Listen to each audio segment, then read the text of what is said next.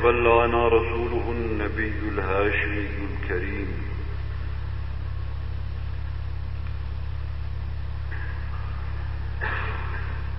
Muhterem Müslümanlar,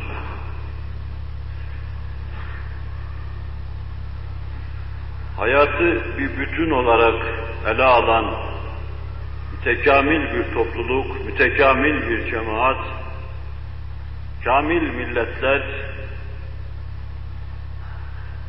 kendi haklarında vaz edecekleri kanunların hayata ait her meseleyi içine almasını arzu ederler. Mükemmel bir devlet, fertleri olgun, münevver bir cemaat, ferdi hayatını, ailevi hayatını, içtimai hayatını kanunlarla tanzim ederken, bu kanunların bütün ihtiyaçlara kafi ve vafi olacak şekilde ayarlanmasını, vaz edilmesini arzu ederler. Ailevi hayatımızda bir açıklık bırakan kanun, tam kanun, yeterli kanun değildir, eksiktir, kusurludur. Ferdi ailevi hayatımızı tanzimde yeterli maddeler arz etse de bizim iç alemimizi, ledünniyatımızı, fikir ufkumuzu ihmal etse, yine biz bu mevzuda kanun vaazına eksik, kusurlu nazarıyla bakarız. Dolayısıyla kanunu da eksik ve kusurlu görürüz. Öyle kanun isteriz, öyle nizam, hakkımızda öyle mevzuat, öyle maddeler isteriz ki bizim hiçbir şeyimizi ihmal etmesin. Şahsi ve umumi hayatımızla alakalı hiçbir tarafımızda açık, eksik ve gedik bırakmasın.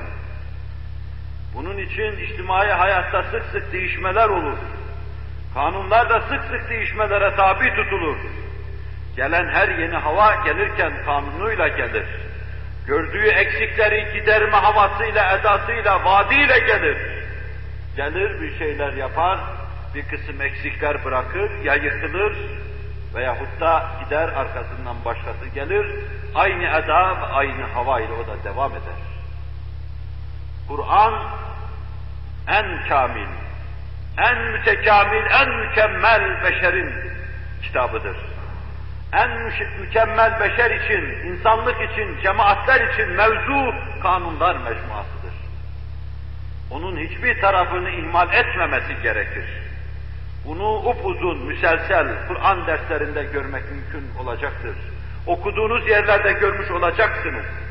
Ben sadece bugün bir parçasını arz edeceğim. Mükemmel bir cemiyet düzeni getirmiştir. Ama bu mükemmel cemiyet düzeni içinde benim ruhumun huzuru, saadeti, sekinesi, temkini temin edilmemiş ise büyük bir eksiklik, büyük bir gedik vardır. Gavurca tabirle arz edeyim. Milletin ekonomik ihtiyacını gidermişsiniz. Bu sahada onu huzura kavuşturmuşsunuz. Ama kalp esas muhtaç olduğu şeye kavuşamamış ise, dolayısıyla itminana ulaşamamış ise, oturaklaşamamış ise, başka şekilde başka yerden patlak verecek, değişik renkte ve şekilde huzursuzluklar ortaya çıkacaktır.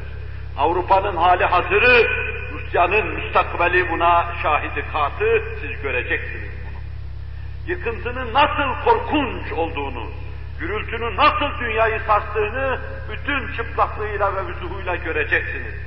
İnsan bir bütün halinde ele alınmadığı, ne bir devletin, ne bir cemaatin, hatta ne de melekler topluluğunun uzun boylu ayakta durmasına imkan olmadığını göreceksiniz. Kur'an bir bütün halinde insanı ele almıştır. Onun zevkine kadar her şeyini ele almıştır onun haz duyabileceği şeylere inme, o mevzuda cevherlerle, lalüküherlerle, marifet yüzmeleriyle imdadına yetişme, bu hususa kadar her şeyi ele almıştır. Hatta dinleme zevkini, musiki aşkını dahi cevaplandıracak mahiyette nazil olmuş. Mukaddes bu kütüphane, bir kitap fakat muhteva itibariyle bu kütüphane, kendi cemaatini, fertlerini hiç kimseye, hiçbir kapıya muhtaç bırakmayacak şekilde bir bütün halinde onun karşısına çıkmıştır. İşte bu cümleden olarak edasında, ifadesinde de bir ton vardır. Kur'an-ı Mucizül Beyanı Allah'a inanmış bir kulakla hususiyle dinlediğiniz zaman, nasıl Allah'ın haşmetinin, celadetinin, azamet ve ceberutunun hüküm ferma olduğunu, nasıl bu büyük makamlara, dairelere ait manaların mevcelendiğini, dalgalandığını, gelip gelip insanın kalbine çarptığını insan hisseder. El verir ki şiar bir kalple dinlesin. Müminlere bir haşrı anlatmak istediği zaman baharı yeşilliğiyle müminlerin gözlerinin önüne serer.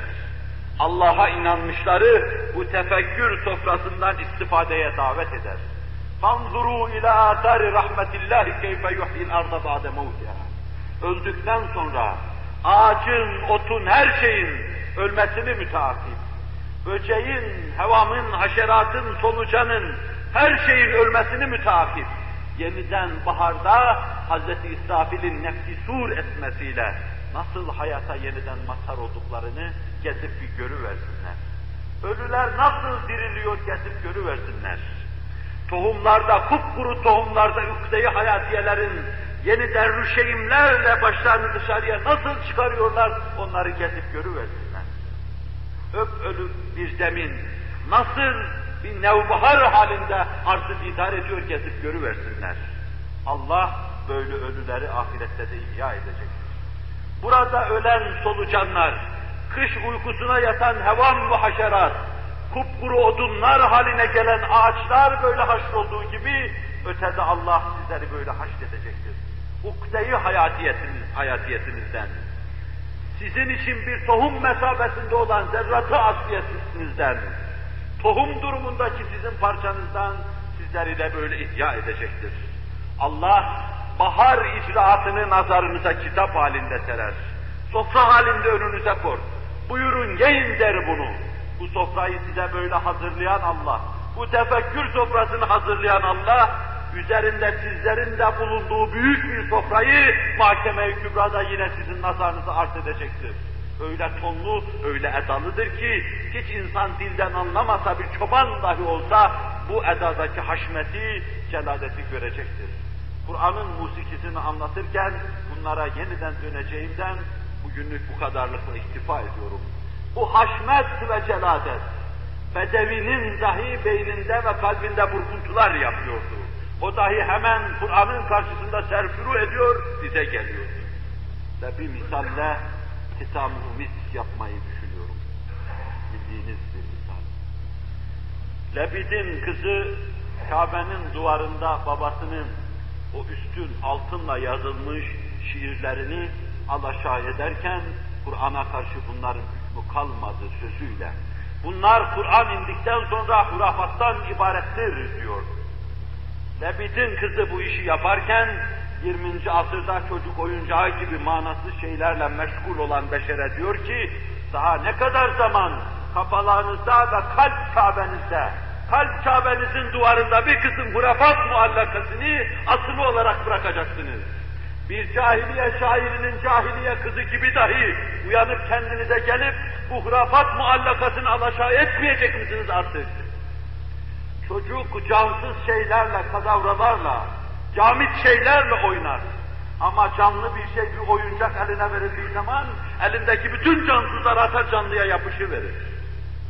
En cazip, en tatlı oyuncakları çocuğun eline verin. Sonra yanından yürüyen bir taksi, cansız bir taksi getirin hemen geçiriverin. Göreceksiniz elimdeki yalancı şeyleri atacak, bu gerçeğin arkasından koşacaktır. Çocuk dahi olsa yalancı şeye, aldatıcı şeye, camit ve kadavralara az ehemmiyet verecektir.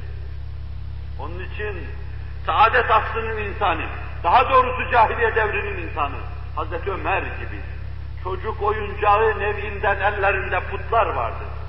Çocuk oyuncağı nevinden ellerinde şairlerin divan eşarları vardı. Sözlerden abideler vardı. Sahar ifadeler vardı. Beyinde ve kalpte dalgalar, mevceler meydana getiren, burkuntular meydana getiren sözler vardı. Yıkan veya yapan sözler vardı. Ama Kur'an'ın canlı hayatlı ifadelerini görür görmez, ellerindeki oyuncakları attı, Kur'an'ı anlamaya çalıştılar. Hazreti Ömer hiç tereddüt etmeden, hiç durmadan tevakkuf etmeden bir anda bin tane mısra okuyabilirim diyordu cahiliye devrine. Bin mısra okuyabilirim. Devrin en muhteşem, muhteşem ediplerine hodiri meydan diyorum. Bin değil bana, 500 tane mısra bir, bir mecliste okuyuversinler. Bin tane mısra okuyabilirim diyordu. Fakat Kur'an'ın sehar ifadesi karşısında beynini silkti, süpürdü, attı. Sadece ve sadece Kur'an dedi. Her şey Kur'an'ın dışında ona oyuncak geliyordu. İşte bir gün kız kardeşinin evine gidiyordu. Hazreti Said İbni Zeyd'in eviydi. Amca zadesi. Bu aynı zamanda kız kardeşinin kocasıydı.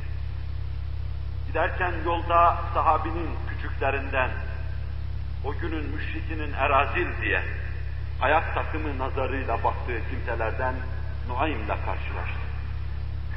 Nuaym ona nereye gittiğini sordu.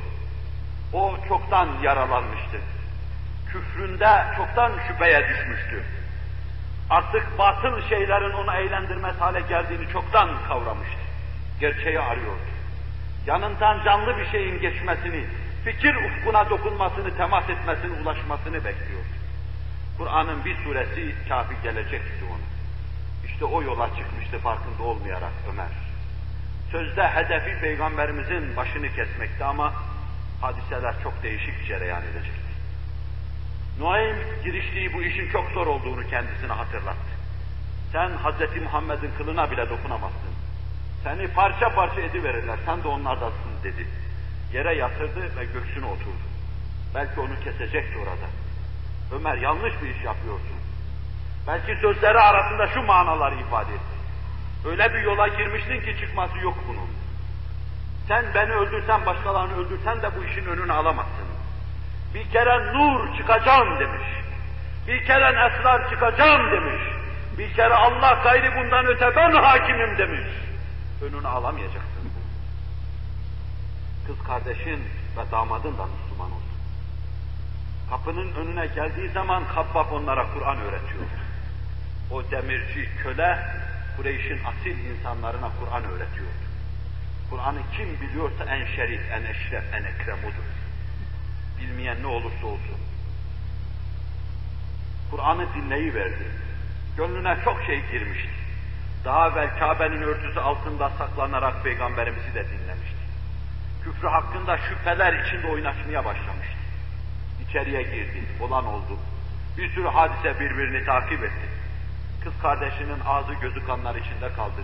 Damadı yere atıldı. Habbab yatakların arkasında saklandı. Ev karma karışık oldu. Ve bütün bu karışıklıktan sonra Ömer'in karışık ruhunda bir düzen hasıl olacak. Bunu Kur'an o sehhar eliyle yapacak. Ne okuyordunuz bana verir misiniz?